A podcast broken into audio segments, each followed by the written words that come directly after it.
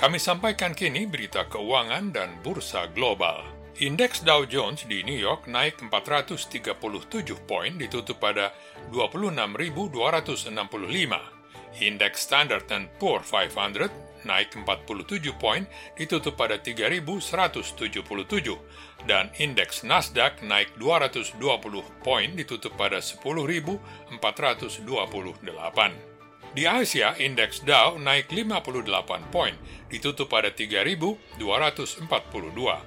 Indeks Nikkei naik 407 poin, ditutup pada 22.714 dan indeks Hang Seng di Hong Kong juga naik 966 poin ditutup pada 26.339. Di London, indeks Financial Times naik 128 poin ditutup pada 6.285. Indeks DAX di Jerman juga naik 205 poin ditutup pada 12.733 dan indeks CAC di Paris naik 74 poin, ditutup pada 5.081.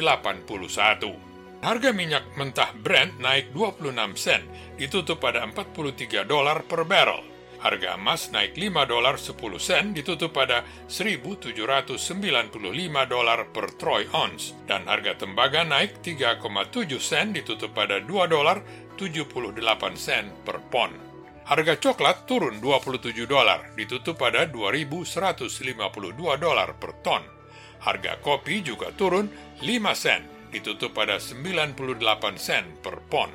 1 euro bernilai 1,1 dolar Amerika. 1 pound sterling bernilai 1,2 dolar Amerika.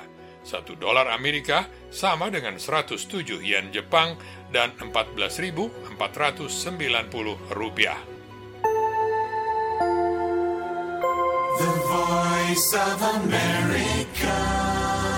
Pemerintah China hari Senin mendesak Prancis untuk menjamin iklim yang adil dan berimbang bagi pengembangan bisnis jaringan 5G setelah Prancis memutuskan untuk membatasi izin perusahaan Telkom yang menggunakan teknologi milik Huawei.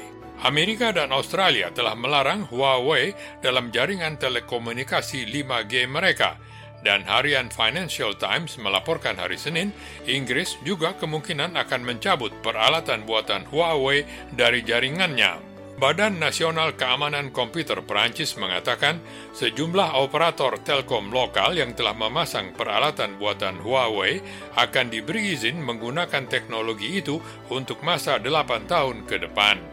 Juru bicara Kementerian Luar Negeri China, Zhao Lijian, mengatakan pada wartawan hari Senin, China berharap Perancis akan mempertahankan sikap yang objektif dan adil dan membiarkan kekuatan pasar menentukan apa yang mereka kehendaki. Huawei telah menginvestasikan miliaran dolar untuk mengembangkan teknologi 5G itu dan bersaing dengan perusahaan Ericsson dari Swedia dan Nokia dari Finlandia.